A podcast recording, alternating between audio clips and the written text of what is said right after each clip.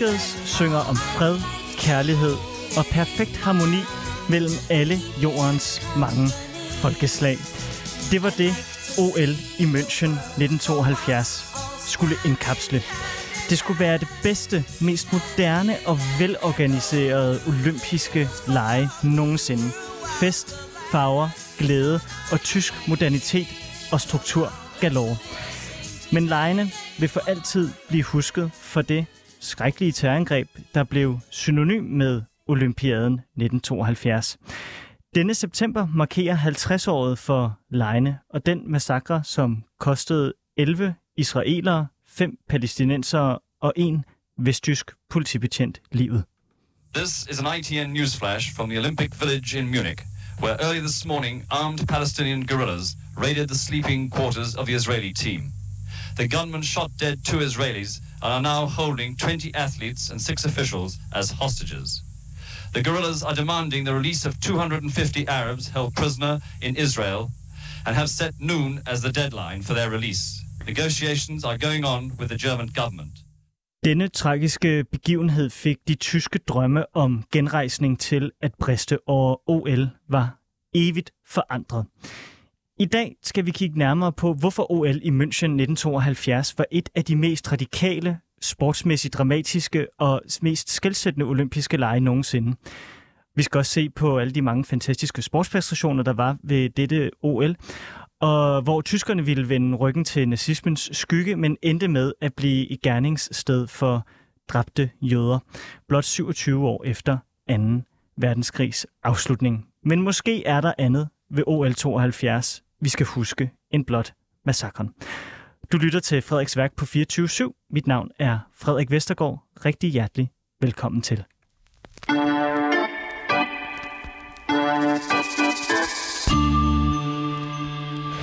Ich erkläre die Olympischen Spiele München 1972 zur Feier der 20. Olympiade der Neuzeit für eröffnet.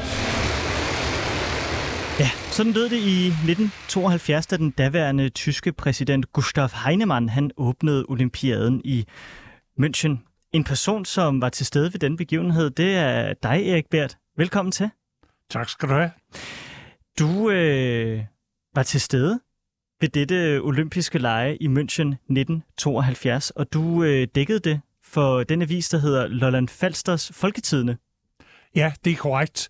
Jeg var faktisk øh, udsendt som øh, ung mand øh, og for at dække de olympiske lege, og jeg sad på stadion, da det åbnede, og det må jeg sige, det var en festlig oplevelse. Hvis vi skal starte med selve indvielsesceremonien, så var der jo øh, det var altid noget med marsmusik og sådan noget. Ja. Det var det ikke i München. Nej. Der var en uh, traditionel optakt, blandt andet med opvisning af folk, der stod med lederhosen og klaskede sig på lårene og lavede piskesmæld øh, stadion rundt, sådan i rigtig typisk øh, bayersk stil. Man skulle også øh, vise, hvem man var øh, lokalt der i Bayern, som jo er en øh, speciel del af Tyskland. Men øh, så var det så den festlige, festlige indmars med Kurt Edelhagens orkester, der sad på stadion. Jeg ved ikke, om de spillede playback. Jeg kunne godt have en fornemmelse af det, fordi det hele kørte på skinner. Det var typisk tysk tilrettelagt med en fantastisk stadion-speaker, øh, en øh, meget bekendt skuespiller, Hans Joachim, øh, og ja, nu har jeg lige glemt efternavnet, men det betyder ikke noget. Og det hele kørte. Der var fest og farver og Ja. musik, og en øh, musik, der var afpasset Ja. til de enkelte lande. Det var netop sådan, at vi skiftede lige pludselig, så var der noget fransk musik, så var det meksikansk, så kunne du høre øh, nogle andre ting, og så... Lige præcis, Erik. lige, Jeg, jeg havde faktisk taget en masse øh, musik med fra åbningsceremonien, Ja. som vi skal høre øh, jeg lige om lidt. lige høre det. Ja, vi skal lige høre det lige om lidt. Ja. Men øh, først så vil jeg godt lige have nogle øh, ting omkring dig på plads. Ja. Så øh, vi kan forstå, hvad det var, øh, du lavede i München i, øh, i 1972, fordi du er uddannet journalist og arbejdede så for Lolland Falsters Folketidene. Øh, var det her det første OL, du var med til at, øh, at dække? Det var, det var det første. Jeg var jo en ung mand på det tidspunkt. Hvor gammel var du? Der var jeg 25. Ja, Sikke en alder. Øh, Så det, det var ingen alder. Øh, Men det, havde så været, det var dengang, at man var udlært som 20-årig Ja. i mesterlærer. Det er der jo ikke rigtig nogen, der kan blive som journalist i dag. Nej. Øh, Men øh, jeg var som sagt på Lolland Falsers Folketidene, og vi besluttede os for at dække OL i München, for det var sådan set kun tale om en togbillet øh, dernede. Og så øh, var det rimelige vilkår for præsten, øh, med, altså økonomisk, og det var jo den skrivende. Senere gik jeg så øh, i 76 kom jeg til Danmarks Radio, hvor jeg blev ansat på sportsredaktionen øh, mange år som gymnastikkommentator, men også i chefroller, hvor jeg var teamleader øh, for øh, Danmarks Radios hold i 1980 i Moskva. Det var faktisk første gang, at det ikke var Gunnar Hansen, der stod i spidsen for olympiske lege. Det var dig. Det var mig. Ja. Så Hans du, du... sidste lege, det var 76 Montreal, og jeg startede november 76 øh, på Danmarks Radio, og så fik jeg jobbet som teamleader og havde det flere gange siden, og i alt har jeg været også for andre stationer øh, i til 10 olympiske lege. Ja, så man kan jo godt sige, at du er en gammel øh, OL-rotte, hvis jeg må være så fri. Det, øh, det må du godt. Jeg er en gammel rotte i de internationale begivenheder. 10 olympiske lege og syv verdensmesterskaber i fodbold. Må jeg spørge dig, øh, nu hvor du har været til 10 OL, Ja. hvorfor er OL noget ganske særligt og noget helt magisk? Jamen, det er jo fordi, at øh, der blander du mesterskaberne. Altså, øh, der har du den ene dag, øh, så har du Teofilo Stevenson, der slår folk øh, øh, baglæns ud af ringen, og så har du øh, to dage senere Olga Korbut, øh, der slår flikflak, og du har alle sportsgrenene, hvor det ellers er det jo et verdensmesterskab. Fodbold, der er jo ikke andet end fodbold. Ikke andet, det var ikke negativt ment, øh, men øh, det er der, hvor sportsgrenene mødes på tværs, og netop fordi det kun er hver fjerde år, det er jo, altså, det er jo de olympiske lege, og ikke olympiade, øh, som du kom til at sige i din intro, fordi olympiade, det er den periode, der går mellem to olympiske lege. Dermed korrigeret. Ja, ja, men øh, det er en meget, meget almindelig fejl, og jeg er lige ved at tro, at, øh, at man sådan set også må bruge det i dag, men jeg bruger stadigvæk den gamle og efter min opfattelse Korrekt, korrekte ja. form. Så, men øh, det, er, det er det privilegium, øh, vi ældre herrer, vi har. Erik, nu skal vi tilbage til, øh, til, til, til, til da du er 25 år gammel, Ja, og du er taget med toget til München. ja. Og det er jo et ganske, ganske særligt OL. Det har man allerede varmet op til. Der hviler et stort pres på, øh, på, på tyskerne.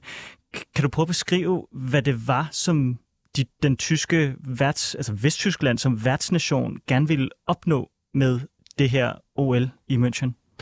Ja, det var både øh, Vesttyskland, men også øh, byen München, øh, som jo faktisk fik et, hvad skal vi sige, 10-20 års øh, udvikling for ærende, øh, fordi man, øh, øh, man ville meget gerne, øh, da, øh, da den daværende olympiske chef øh, i, øh, i Tyskland, han sagde, at vi har en mulighed for at få lejene i 72, der slog borgmesteren øh, til, fordi så kunne han stå sig i kampen mod Berlin så kunne han hive München op og øh, få ved at få finansieret dels på forbundsrepubliks øh, niveau, men også af øh, selve staten Bayern, der gav betydeligt, så jeg tror, det endte med, at München måske kun betalte en øh, fjerdedel af de udgifter, der var, Nå, ved at få et helt nyt S-tog, ved at få et nyt Olympiaparkområde. Og det var det, der var det geniale ved München. Det var tæt, det var godt tænkt, det var let og luftigt. Øh, vi, øh, man kan faktisk tage, øh, Frederik, øh, forskellen på de to stadions, nemlig Olympiastadion øh, i, øh, i Berlin, Ja. 36, som jo er noget af en koloss, der skulle vise, øh, hvordan øh, nazistyret havde styr på det hele og kunne lave de der store, flotte bygninger, og det er jo en kæmpe koloss. Under Og så det- 36. Det var 36, og så i øh, 72, der har du så et Olympiastadion med nærmest teltagtig øh, konstruktion. Og når øh, man ser det hele oppefra, kan man se, hvor let det var, hvor godt det var tænkt, hvor tæt øh, stadion lå på hinanden. Man kunne komme rundt på cykel øh, fra det ene til det andet. Det var virkelig gennemtænkt, Og jeg, når, da jeg har været til det antal olympiske lege, jeg har, får jeg jo ofte spørgsmålet, hvad var de bedste? Og der er det, jeg nogle gange siger, ved I hvad, venner? Vi snakker aldrig om München, på grund af, at der var et uh, terrorangreb. Men rent faktisk var det nogle af de bedste lege, når man tænker på, hvordan de var planlagt, og også hvordan de blev gennemført, indtil det gik galt. Det blev så også gennemført glimrende bagefter. Da først man besluttede sig for, efter uh, et døgns uh, pause, at så genoptager vi lejene. Uh, og uh, ja, uh, det, uh, det var simpelthen velplanlagt og uh, med uh, satellitbyer til fodboldkampe osv., men altså et område, man kunne komme til, når man nogle gange, når jeg tænker de elendige busture, uh, man har været på det ene og det andet sted, uh, for ellers så, når man snakker om, uh, hvad det var af gode olympiske lege, så er det oftest Barcelona, man ja. nævner. Ja, Øh, men uh, 92. det, kan, det kan man uh, diskutere lidt frem og tilbage, mens der stort set blandt alle olympiske veteraner er helt enighed om, hvad der var de absolut dårligste, men uh, det kan vi komme tilbage til. Det var nemlig Atlanta. i, øh, i 96. Ja, Men, men nu siger du, at OL-byen var, var, var let og, øh, og, og, og luftig. Det var tegnet af en mand, som hedder Günther Benisch. Øh, prøv at beskrive, fordi det ser ret flot ud, når man ser billeder af det, men for folk, der ikke kender til, øh, til den arkitektoniske stil, som, øh, som byen var tegnet i, og, og som stadion var tegnet i, kan du prøve at beskrive, hvordan øh, at det så ud, når man øh, gik rundt der? Jamen altså, man havde jo indtryk af, at man nærmest gik, jeg vil ikke sige en teltby, det er jo forkert, for det, det er ligesom noget negativt med flygtninge og sådan noget, en teltby, men det var let og luftigt, og det var nogle, øh, Danmark øh, boede jo øh, ved siden af den israelske delegation, Ja. øh, som var i Connolly Strasse nummer 31. Det tror jeg, det er en adresse, vi alle sammen kan huske. Øh, I hvert fald øh, ældre folk som jeg. Ja. Øh, og, øh, men altså, man havde det lette indtryk. Altså, det var, øh, der var en god stemning, der var afslappet. Øh, det var det, der var problemet, at øh, sikkerhedsfolkene havde fået besked på, nu tager vi det afslappet. Vi er ikke de bryske tyskere, der stopper, der øh, undersøger og der spørger ved øjeblik. Vi er de smilende tyskere, øh, der ikke har militæruniformer på. Øh, vi, vi tager det, vi tager imod verden og du- viser, at vi kan være andet end bryske tyskere. Kan du huske, hvordan at øh, de tyske politiuniformer så ud? Det kan jeg faktisk ikke, men det var, de var lette. Jeg har De var lette, nogle, de var, øh, de af var det. lyse. Ja, det var øh, mørkeblå bukser, ja. Og så øh, kortærmede øh, skjorter, Rigtigt, ja. og så en øh, blød kasket. Ja, det er rigtigt. Det var, der var ikke meget, men øh, så må jeg nok sige, at det ændrede sig efter øh, de der forfærdelige begivenheder, at øh, da jeg så var til VM i fodbold i 74, mm. der skulle jeg helt så sige, der, blev, der øh, kom øh, bombehunden og snusede til vores tasker, øh, og øh, helikopterne fløj lavt, og der var uniformer på. Der overlod man ikke noget til tilfældighederne. Men det var jo netop det der med, at øh, vi slapper af, også mm. når danske fodboldspillere havde været på atletikstadion, og ikke øh, gad gå den lange vej fra hovedindgangen og så ned øh, til deres kvarter, så gik man hen til hegnet og vinkede til vagterne og sagde, okay, vi laver lige en genvej, vi smitter over hegnet her, så, øh, så de var vant til at se uh, idrætsfolk kravle over hegne. Der var så desværre nogen, der kravlede over med nogle kalastikoffer øh, i øh, en øh, Adidas-taske. Men øh, som jeg sagde før, Erik, så var der jo meget på spil for tyskerne.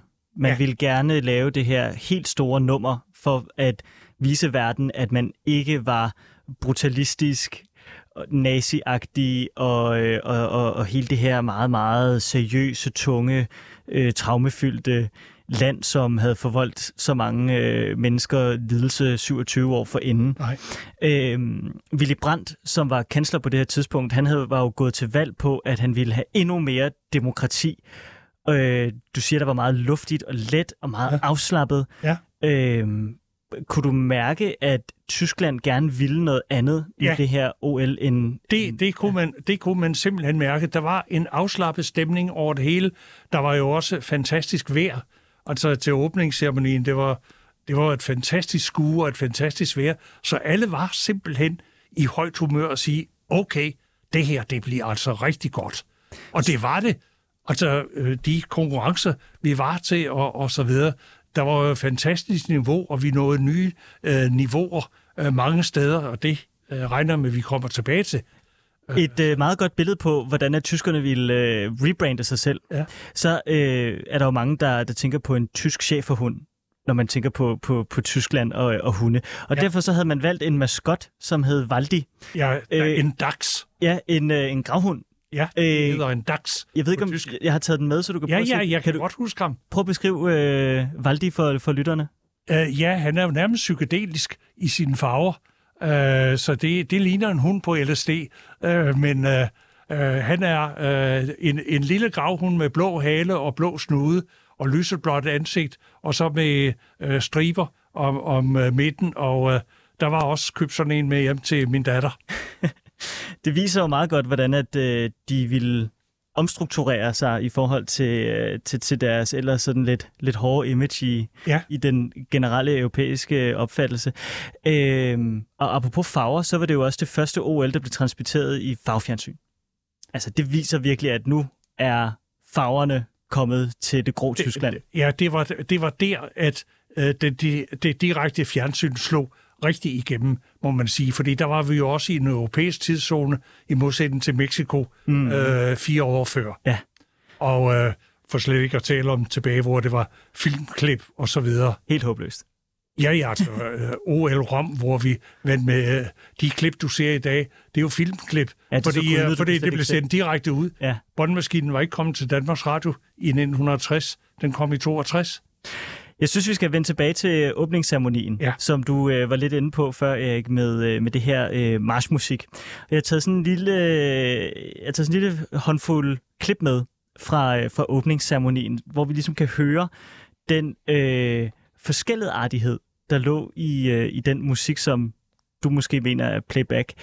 Vi kan jo lige prøve at starte med, da, da Danmark kommer ind på, øh, på stadion, og så øh, kan vi jo lige høre, hvordan det lød.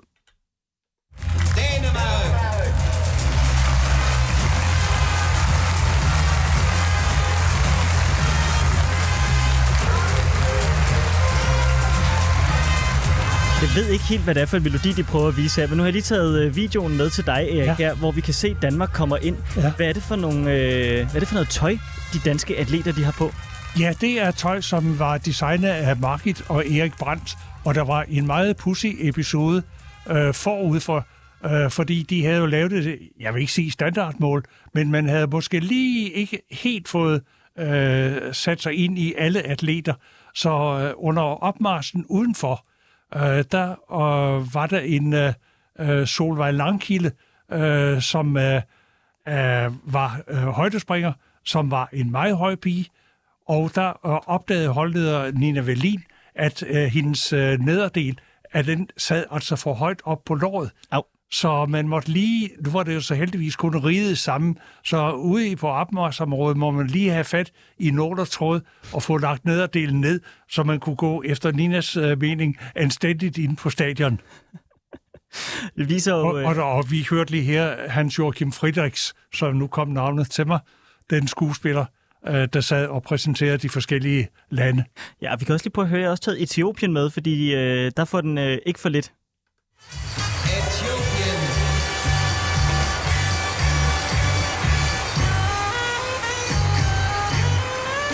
Så er vi øh, i Østafrika. Så er vi decideret, hvis det var et, et Kurt Edelhagens orkester, det løste det helt fantastisk.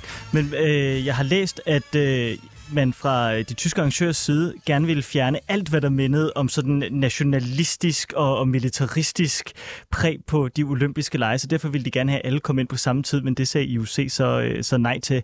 Ja. Kunne du mærke den her sådan meget lette, moderne stemning i, øh, i åbningsceremonien? Ja, ja, det synes jeg godt, man kunne, fordi det netop ikke var den der marsmusik. Det var noget, der refererede til de... Der var sådan lidt chanson, når franskmændene kom ind, og der var noget andet, og, og selvfølgelig øh, marimba, og hvad ved jeg, når mexikanerne øh, kom ind, og, og, og sådan noget, og de klingende trompeter. Øh, så det var... Øh, det- det var virkelig, virkelig gennemtænkt. Og jeg husker også, fordi vi sad jo der i solen, og jeg husker også, det var første gang, vi så en atlet gå med fanen i en hånd, mm. strakt arm, hele vejen rundt. Det var en jugoslavisk øh, vandpolospiller. Og det er jo sådan nogen der, der måler øh, jeg ved ikke hvad, mellem øjnene og en, øh, to meter over skuldrene. Det er nogle store drenge. Men det var det samme nummer, som Joachim B. Olsen lavede for det danske hold Ja. i Athen. Ja. Det, øh, han, han kunne også, men det var en vandpolo-spiller, der viste det første gang. Jeg har øh, set øh, billeder fra den her åbningsceremoni, hvor at Bolivia kommer ind og øh, hejler. Kan du huske det? Nej, Jeg har simpelthen ikke. Jeg har, Du, øh, jeg har lige taget det, taget det med til dig her. Jeg går bare til at tænke på, altså, om det var noget, som man, man, man, man talte om, men nu kan du, så siger du, du kan ikke huske det, så du kan ikke huske, da øh, jeg se, har, de kommer gående ind der og kigger op mod Willy Brandt og Heiler. Ja. Ja. Den har ikke været god. Den har ikke været god, nej. Men øh, der var ingen, der bemærkede det. Og jeg registrerede det i hvert fald ikke på stadion. Okay. Og øh, der var heller ikke nogen af mine kolleger, der snakker om det bagefter. Okay, så den lod man glide. Øh, jeg tror simpelthen ikke, man har, man har tænkt over det. Nej. Fordi der var jo så mange ting at se på øh, hele vejen rundt øh, den dag der. Vi skal også, øh, der er jo mange historier for det her OL, som for ja. Eksempel det her med, at Carl Gustaf, den svenske kronprins, han finder sin øh, kommende hustru dernede. Der ja. er mange historier omkring det her, men jeg kunne også godt tænke mig, at vi talte lidt om, øh, om sporten. Ja. Fordi der skete jo også mange fantastiske ting på sportsfronten, som du jo øh, skulle dække. Ja. Hvad, øh, hvad, hvad, hvad, hvad var det for nogle sportsgrene, du skulle skrive hjem om? Ja, men jeg skal jo blandt andet øh, følge de danske deltagere. Der var Ole Benediktsson øh, fra Nakskov, som stillede op i gymnastik, så jeg var selvfølgelig i gymnastikhallen. Jeg havde gymnastik som speciale, øh, og øh, det, var, det var noget af en oplevelse. Det var der, der fik vi Olga Korbut. Og hvem er Olga Korput? Sprogen fra Minsk, øh, 1,52, 38 kilo, 17 år, og øh, hun var den første, øh, der flyttede gulvøvelserne op på bommen, som er en 3 meter lang øh, træstang, 10 cm bred, og der lavede hun baglæns salto på bommen. Det var første gang, vi så det, og der gik et sus igennem sagen, for det var jo nærmest at invitere til en brækkenakke, det hun lavede. Men hun blev alle syngning øh, med sådan en rottehale og øh, alle græd, da hun smed guldmedaljen sammenlagt, ved det, hun faldt ud af øh, den forskudte bare, og kun fik, så vidt jeg husker, 7,5 øh, i karakter. Og, øh, så, men hun vandt to, faktisk tre guldmedaljer. Hun vandt selvfølgelig op på bommen, og så vandt hun øh, guldøvelsen, og hun vandt selvfølgelig holdkonkurrencen, men det var Ludmila Toritjeva, som gik som gymnastikdronningen fra, men hele verden græd, da Olga Korbut hun faldt ned. Og det var, det var en fantastisk oplevelse. Og så var der jo mange andre oplevelser. Hvis vi skal fortsætte med det, så kan vi hoppe til, hvad skal man sige, det helt modsatte. Bokseringen. Ja. Hvor der var øh, en øh, amerikaner, som øh, sådan en stor lastbilchauffør fra Texas, som alle havde regnet med, at nu skulle han altså vinde olympisk guld, og så selvfølgelig et øjeblik efter blive professionel og blive verdensmester. Øh, men øh, jeg havde så, fordi jeg boede, hvor jeg gjorde, set Østtysk TV og optagsturneringerne, og der sagde jeg til mine kolleger, pas nu på, de der kubanere, de kommer med et utroligt stærkt boksehold. Jeg havde siddet og set live fra kemiturneringen i Halle, som var optagsturneringen til olympiske lege, sagde jeg, der er altså en mand, der hedder Stevenson. Ham skal I prøve at kigge efter. Og ganske rigtigt, da han mødte øh, Donald Duck der, så lige pludselig så sad øh, Donald Duck på sin ende og så meget forbløffet ud, fordi Stevenson havde slået ham i gulvet, og Stevenson gik videre og vandt, og vandt så også ved efterfølgende olympiske lege, og blev et af de største øh, navne nogensinde indenfor. Han måtte jo ikke blive professionel, men ellers havde han også øh, vasket gulv med, øh, med datidens professionelle. Hvorfor måtte han ikke blive professionel?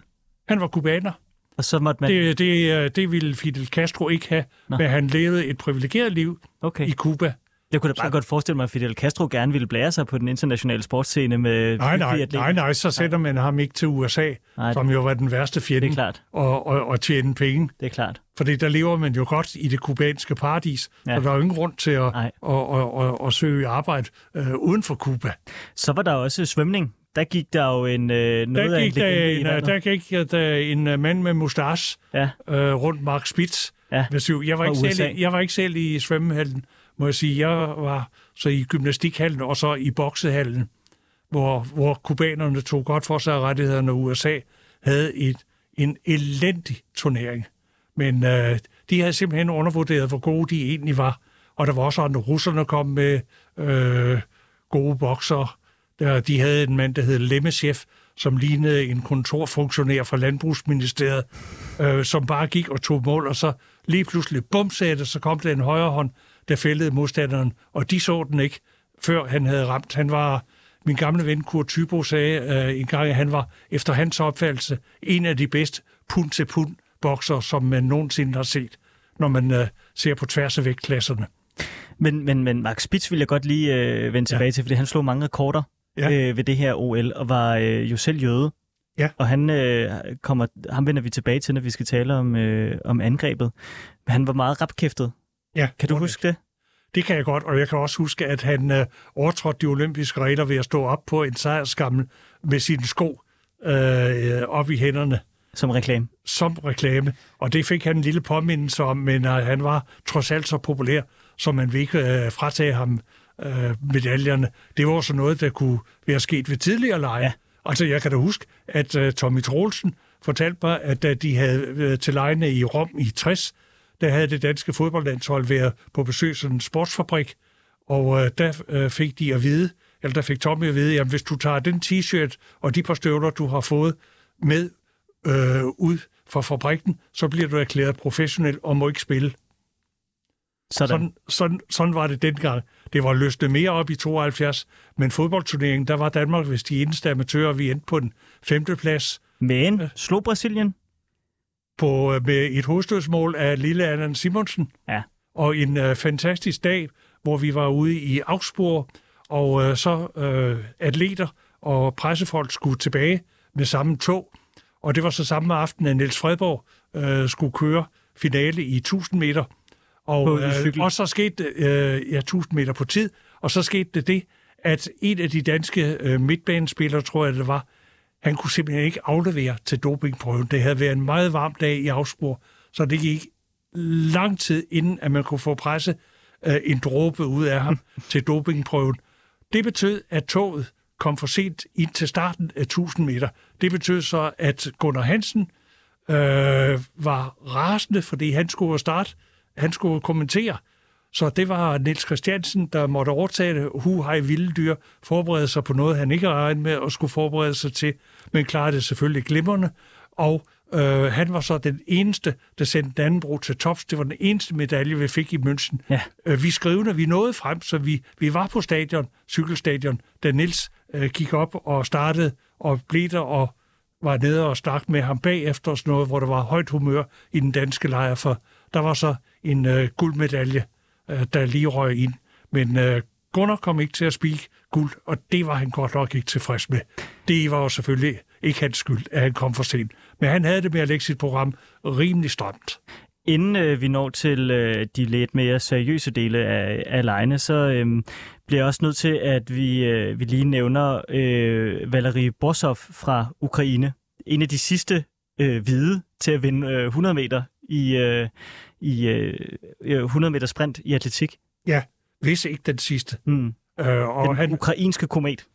Det må man sige, og han var fantastisk. Og det var både 100 og 200 meter, og øh, senere øh, så var Borsov jo også den, der kunne løbe en atlet op, øh, hvor man sige, der kunne øh, den hurtige gymnastikdronning Ludmila Torisjeva alligevel ikke øh, klare sig.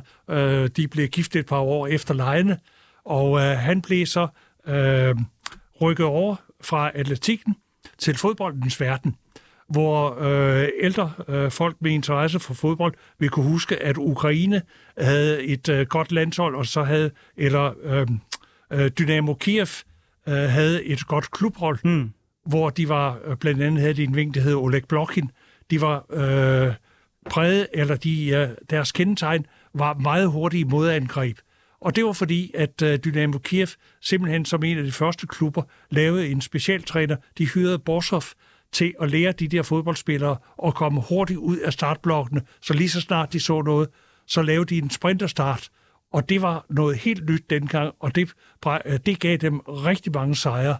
Så det var, det var Borsovs fortjeneste, øh, den, øh, de mange år, hvor Dynamo Kiev virkelig øh, var fremme på den europæiske fodboldscene. Og så bliver jeg også nødt til lige at nævne den meget, meget spændende basketballkamp mellem USSR, altså Sovjetunionen, Ja. og, øh, og USA, hvor at USA simpelthen taber i finalen under stor ståhej. Jeg har taget et lille klip med fra, øh, fra den kamp. Prøv at høre her. Ja. Now the clock shows three seconds. There is time for the Russians to go to their big man, Alexander Belov. They're going to try.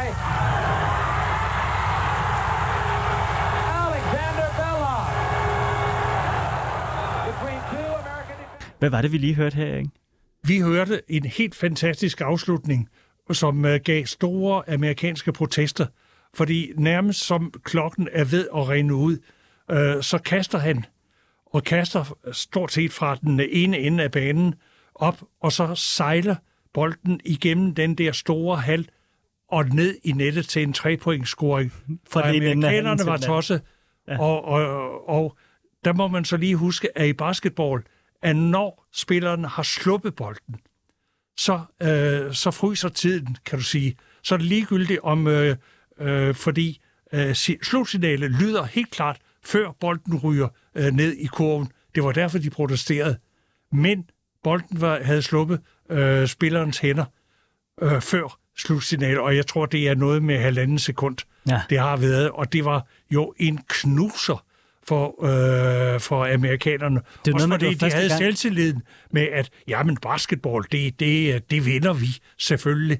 Det er noget med, at det var første gang, at de tabte en olympisk basketkamp overhovedet. Ja, det, ja, det mener jeg, det kan godt passe. Ja. Senere kom de jo så, og det var, der er vi så oppe i 92, øh, et Dream Team, Ja, som jo var helt fantastisk nede i Barcelona, men øh, med Michael Jordan, og jeg skal komme efter dig, der var på det hold. Og det var jo et show i sig selv. Der, fik man, der tog de revanche for, øh, for de olympiske lege i 72. Det nagede dem i mange år, det nederlag, for det netop af alle hold var det til Sovjet. præcis. Den store fjende.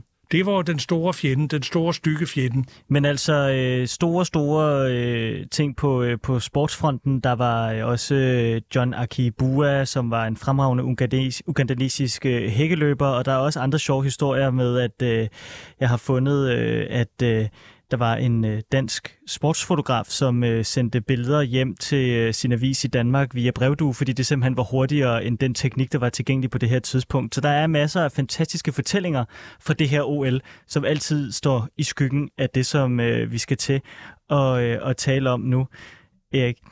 Øh, den 5. september 1972, klokken lidt over 4 om morgenen, så går der otte palæstinensere fra Sorte September ind i den olympiske by.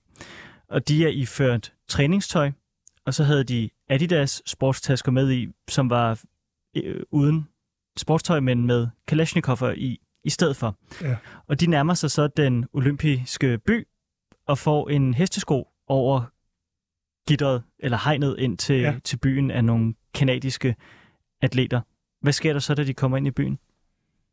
Ja, så sker der jo det, at øh, de, øh, øh, de går ind, og, og der er tumult øh, i øh, Connolly-strasse øh, nummer 31, fordi man ved ikke, hvad det er for nogle folk, der kommer ind. Der er øh, nogen, der begynder, der er faktisk øh, to, så vidt jeg husker, øh, der undslipper, Hmm. øh, og øh, øh, så går de ind, og så holder, og der bliver faktisk skudt en undervejs, Ja. som jeg husker. Øh, Det var øh, øh, vægtløfteren Ja, Josef en- en Romano, vægtløfter, ja, der- som forsøgte at gøre modstand, og ja, han blev skudt ja. med det samme. Og så var Ja. der Moshe Weinberg, ja, som de tog som øh, gissel og Ja, efterfølgende skød. Ja, og øh, så var det, de kom ud der med maske på og, og stillede deres krav om de der, som du sagde før, 250 fanger, der skulle øh, frigives, og de øh, skulle have transport øh, ud til en lufthavn, hvor der skulle stå et fly og flyve dem ud. Og øh, øh, der, øh, der øh, kan jeg så fortælle, at øh, min svenske kollega Bosse Gensel har fortalt mig, at øh, han var som en af de få det rigtige sted, nemlig i Fyrsten Feldbryg, fordi tyskerne løg om, øh, hvor øh, det øh, skulle se. De løg faktisk også senere i forløbet, hvor de på et tidspunkt siger, at der er fire gislerne, der er reddet, Mm. og det var der så ikke. Hvorfor løg de? Der var totalt kaos, og øh, hele aktionen blev ledet af Münchens politichef Hans Schreiber, som øh, en måned forinden, kunne vi så læse os til senere, havde øh, haft øh, et øh, lignende gisselaffære i en bank, det endte med, at det både var bankansatte og bank- og gisseltager, som blev skudt. Så, øh, så han var kendt som sheriffen fra München. Så det var altså ind med øh, øh rygende pistoler. Det var åbenbart hans taktik. Og øh, der øh, fortæller øh, Bo Gensel så, at han er ude i Fyrsten Fældbryg sammen med en amerikaner og nogle andre. Der var ikke ret mange journalister, hvor de kunne se, at gislerne faktisk øh, bliver skudt. Øh, og, øh, øh, og gisseltagerne selvfølgelig også øh, bliver skudt.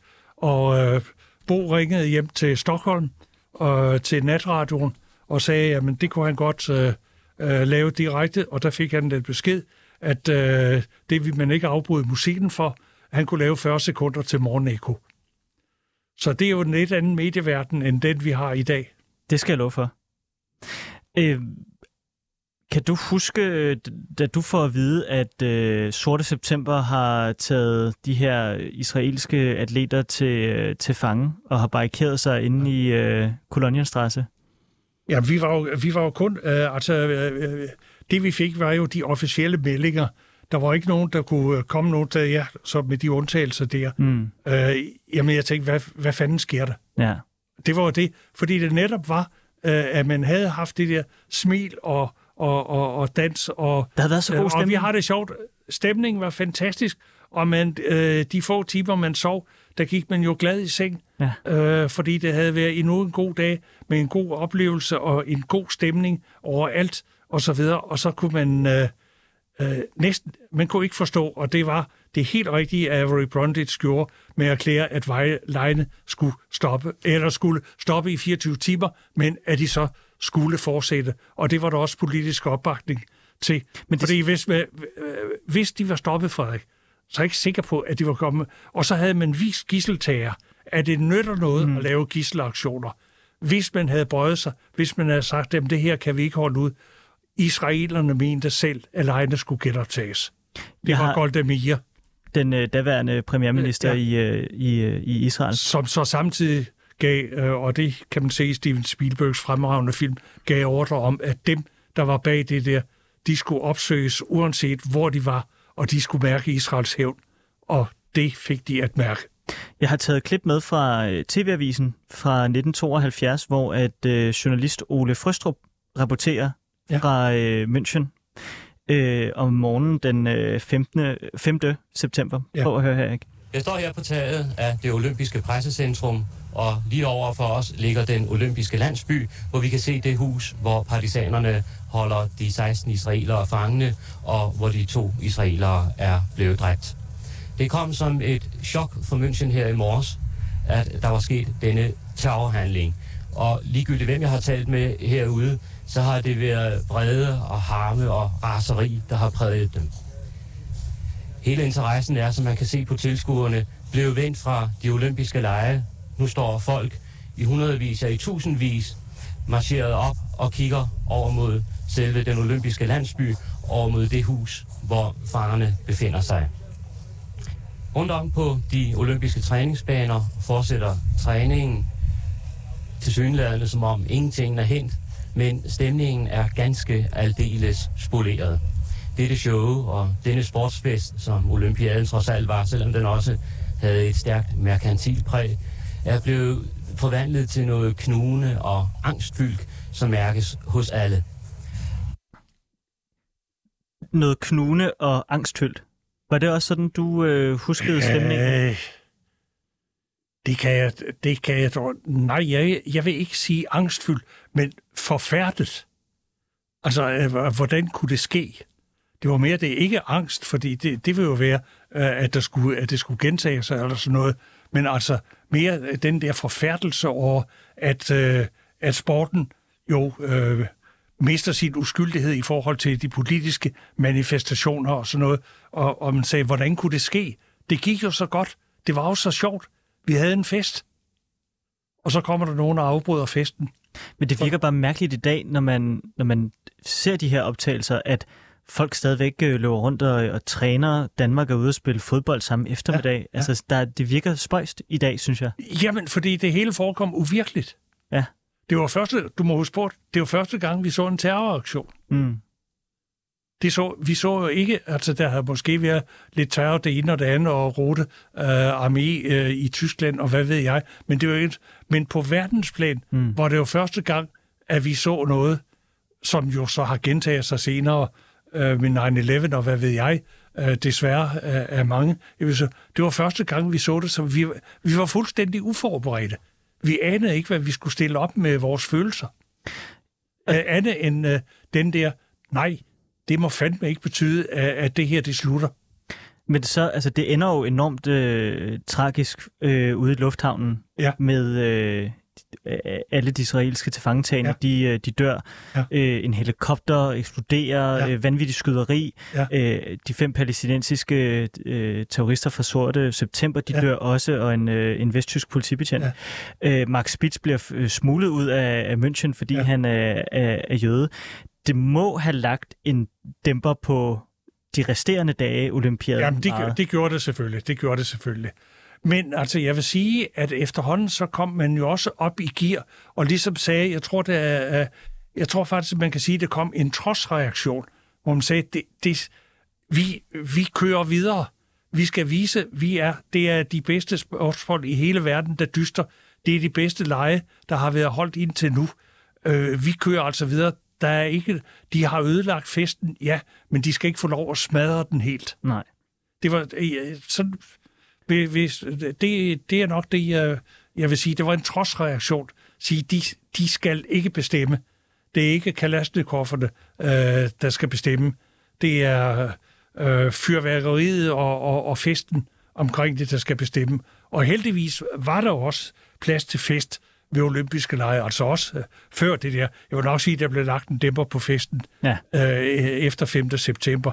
Men øh, jeg kan huske, at hvis vi skal tage en, øh, en lille historie, hvor jeg var øh, ude i den olympiske by, og der var masser af steder, øh, man kunne hygge sig, øh, også uden for, øh, for byen. Og øh, der var jeg en aften sammen med Knud Lundberg, meget kendt øh, øh, journalist.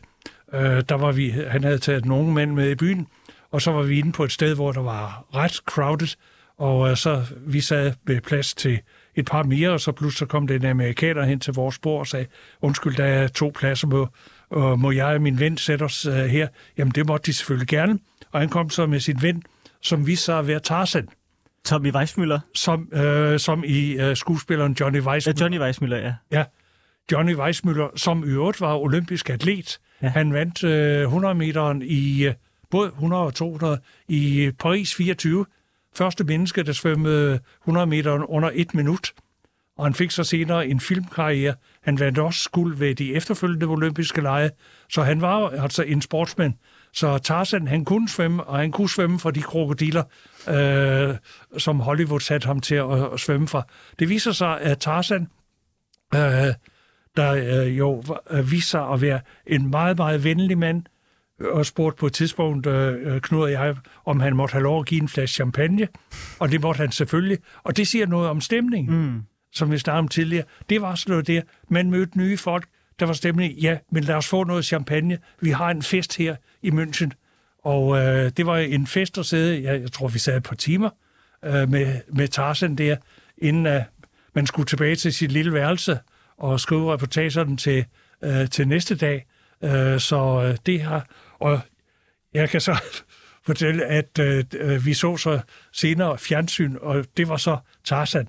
Han skulle selvfølgelig optræde i det øh, meget kendte program, der hedder Deres Aktuelle Sportsstudio, hvor man øh, med simultantolkning øh, interviewede Tarzan. Fru Tarzan var også med i studiet, og så havde man selvfølgelig, øh, for morsomt skal det jo være i sportsstudio, øh, indforskrevet en lille abe fra Düsseldorfs zoologiske have. Øh, så den hoppede rundt, og pludselig under interviewet hopper aben op og flår på ryggen af fru Tarzans hoved. Åh oh, nej. Og Tarzan væltede om af grin. Og jeg siger til dig, og det viste kameraet jo, hvis blikket kunne dræbe, så havde det ligget en død Johnny Weissmuller på det studiegulv. Fru Tarzan synes overhovedet ikke, at det var spor morsomt. Og alle andre, og der gik fuldstændig sildsalat i det program, og min gode ven Wim Tølke, der var øh, senere øh, gode ven, Wim Tølke, der var studievært der, han overskred med en time og 10 minutter. Og det er stadigvæk den dag i dag tysk rekord. Men, men når du så tænker tilbage på OL 72, så Ja. tænker du ikke på sorte september og, øh, og, og, og terrorangrebet? Nej, det gør jeg ikke, og det er også fordi, øh, øh, at, øh, at jeg jo tit får det der spørgsmål, som øh, jeg sagde tidligere, med hvad var de bedste olympiske jamen husk nu München, huske, at München var andet end terror, fordi jeg jo oplevede det sjove, piskespillene, den fantastiske indmars der, Borshoff, der spurgte for en øh, Stevenson, der hamrede folk ned, og øh, hvad det nu ellers var. Og først og fremmest, måske vil jeg sige det, der øh, sidder mest, øh, Olga Korbut, der trodsede tyngdeloven på en måde, så fik den hele verden til at elske hende. Øh, så det, det er det, vi skal huske München for, at den olympiske ånd, det lyder som en kliché, kan leve videre, trods det anslag, det var. At der så var sikkerhed, og er kommet sikkerhed efterfølgende, jamen det er godt.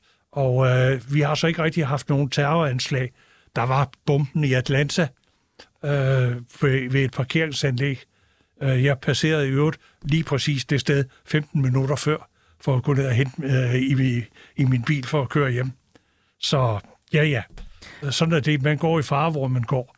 Men var der en, øh, en, en, en udpræget kritik af lejene i øh, sådan tiden efter? Nu tænker jeg her i, i slutningen af, af 72, af hvordan tyskerne havde håndteret sikkerheden, og hvordan de havde nej, håndteret nej, ikke, ikke alene som sådan. Altså, den der politichef, som jeg nævnte før, Chefen. han var under skarp, øh, ja. Han var under skarp øh, kritik, formentlig fuldt berettiget, at, at, man, øh, Øh, at man gik i øh, øh, med blazing guns, som man siger. Øh, så, øh, men selve lejene kan tyskerne kun øh, høste ros for. Men det er, det er synd for de gode leje, at det drukner i det terrorangreb. Og så må vi jo så koncentrere os om, at der altså også var andre gode leje, som jeg sagde, Barcelona efter min mening, nogle af de bedste. Der var lidt af den samme afslappede stemning, hvor man sagde, at det er også en by, der er blevet renoveret. Altså, og det var det samme, der skete i München. Det var en by, der så, øh, hvor folk der så, hvordan byen blev forandret, fik 20 mm. års udvikling på de seks år, mener jeg, der gik fra, at de fik tildelt lejene, til at lejene rent faktisk øh, fandt sted. Der fik de 20 års udvikling med S-tog, og jeg skal komme efter dig. Og det gav den gode stemning, som også Barcelona, der fik de lavet de der omkørselsveje og de nye kvarterer og, og, og et helt nyt havneområde, hvor der også gav en stemning af, jamen, I skal være så velkomne. Det er jer, øh, der kommer her, som har betydet, at vi har fået den udvikling i vores by. Den fantastiske udvikling. Nu startede jeg med at spille noget øh, hippie-musik med The New Seekers, Ja. ja. og øh, I'd like to teach the world to sing in ja. peace and harmony. Eller perfect harmony, undskyld. Ja. Jeg har Du læ- taler over til en gammel 68. Ja, det er jo det, jeg ved. Så du kan jo huske, hvad hedder det, den Coca-Cola-reklame, hvor den sang også var med. Men jeg kommer bare til at tænke på, fordi jeg har, når jeg hører den sang, så for, øh, fra starten af 70'erne, og når jeg læser omkring det her OL, og du fortæller om, hvordan stemningen var, og der var ikke nogen kold krig, der var bare ren kærlighed og venskab ja. i den olympiske by, øh, så har jeg også læst, at der på en eller anden måde var en eller anden form for optimisme i tiden, som blev punkteret af det her terrorangreb. Er du enig i det? Nej, jeg mener at optimismen, den bliver altså bevaret. Men man fik øh, skåret øh, hul i måske i nogle illusioner om, at det hele ikke bare var fest og farver, der også var en mørk side. Øh, det, det vil jeg nok, men altså, jeg vil ikke sige, at, at nej, men rejste hovedet og sagde, nej, vi kan altså godt fortsætte de her lege. Vi kan godt fortsætte det her, og det kan lade sig gøre, men vi er klar over, at der er altså også en mørk side øh, som vi kigger ind i. Det var ikke, at man fik en pessimisme. Nej, nej. Øh, 70'erne fortsat. Øh, men altså, med, med lige et anstrøg at sige, Hosa, der er altså også alvor indimellem. Det er ikke bare piser, harmoni og, og blomster i håret, og jeg, og jeg skal komme efter dig. Nu sagde du til at starte med, at øh, sikkerhedsvagterne var vant til at se, at øh, folk hoppede over hegnet, Ja, ja, blandt ja. andet fordi de danske atleter også gjorde det. For, primært fodboldspillerne. Ja, øh, det er måske et lidt frækt spørgsmål, men tror du, de havde nogen andel i, at, øh, at palæstinenserne havde set, at det var sådan, man kunne komme ind i byen? Øh, altså, de atleter, der var, har helt øh, sikkert øh, givet den øh, ideen til øh, hvordan de kunne komme ind i byen. Og det var jo ikke bare de danske, må jeg sige. Okay. Så de danske, Øh, øh, men Allan altså, Simonsen har ikke nogen aktie danskerne, danskerne gjorde det jo øh, blandt andet, fordi det danske hus lå lige ved siden af, Ja. Af det israelske. Talte du med nogle af de danske journalister omkring, at det var i nabolejligheden, at det var foregået? Undskyld, nogle af de danske atleter, om hvordan... Øh, nej, øh, men øh, hvis vi lige kan nå en faktisk fantastisk historie. Jeg talte med, øh, i forbindelse med, at han blev 60 år, talte jeg med Hans Evald Hansen, øh, som var fodboldspiller øh, på det, hold midtbanespiller fra 1901. Og der fortalte han mig, at han i 90'erne blev opsøgt ved noget torvjazz i Nykøbing Falster øh, af en dame, øh, af en pige, der havde en pige fra Israel på besøg. Øh, og hun vil gerne hilse på Hans Evald, fordi hendes far var en af dem, der havde været i München og var blevet dræbt. Hun var ikke selv født på det tidspunkt. Det viser så fantastisk tilfælde, og hvis man laver det som manuskript, vil man sige, at det er usandsynligt, at Hans Evald havde talt med den pågældende læge, der havde, øh, som var en læge til, øh, i det israelske hold, som havde fortalt, at han glædede sig til at komme hjem, fordi hans kone var gravid, og han skulle have sit første barn. Og det barn møder han så 17 år senere i Nykøbing Falster til Torvjazz. Og der blev udgivet nogle tårer ved den lejlighed. Ja, hold da op. Og hun pludselig kunne snakke med en mand, der rent faktisk havde talt med hendes far, ja. som hun jo af gode grunde aldrig nogensinde fik kendt. Hold da op. Ja. Det, ja. Det er sådan en af de der, Ja, øh, som jeg siger, lav den i et manuskript, så bliver den strøget. ja, Den er for usandsynlig. præcis. Ja. Egbert, øh, vi skal til at runde af. Ja. Men jeg kunne godt tænke mig, at nu hvor vi også har snakket om terrorangrebet og alt det frygtelige ved, øh, ved OL, så lyder det som om, at du, du vil gerne tælle OL op for 72. Og det vil jeg også, for jeg synes, det er synd, at Tyskland har haft OL to gange, og den ene var med Hitler, og den anden var med Sorte September. Ja. Øh, så hvis vi skulle slutte af med et... Altså, hvad skal vi huske OL 72 for? Nogle helt fantastiske præstationer, du nævnte selv, John Akibura, der pludselig lærte os, at man kunne køre og springe på en ny måde over hesten. Der var, som jeg sagde, Olga Korbut, der var Stevenson, der var Borsov, der var så, og først og fremmest selvfølgelig Mark Spitz, der var så mange fantastiske præstationer, så det er helt synd. Og var en glimrende fodboldturnering med Sovjet som vinder, Danmark nummer 5, formentlig de eneste amatører. Øh, og øh, jamen, der var så meget godt, der var så meget. Der var en Lasse Viren, der falder i 10 km finalen, og rej, efter 4 kilometer rejser sig og løber guldmedaljen hjem, selvom han falder. Og, skabelon, fætterløb. og skabelonen til den perfekte olympiske by. Og det, ja, det var det faktisk. Jeg har e- egentlig ikke set øh, andre byer. Det var sjælløst i, øh, i Seoul, for eksempel. Mm. Øh, ah, det, det, var, det var nu ikke så tosset i Barcelona. Barcelona er så stadigvæk øh, min nummer to. Men øh, øh, det er... Øh, nej, det, øh, München bliver undervurderet, og det er synd, for det var virkelig en fest, indtil der var nogen, der ødelagde den. Sådan. Egbert, du nåede, det skal lige hurtigt nå. Du, du sagde, at det værste OL, det kunne vi komme tilbage til. Du skal bare lige nævne byen. Atlanta 96. Sådan. Suverænt dårlige amerikanere. Jeg kom til at sige, at det blev citeret for, øh, at her ved disse lege er det kun to amatører, hestene og arrangørerne. Sådan. Egbert, journalist, tusind tak, fordi du ville være med i Frederiks Værk og fortælle om OL München 1972. Det var en stor fornøjelse. Selv tak.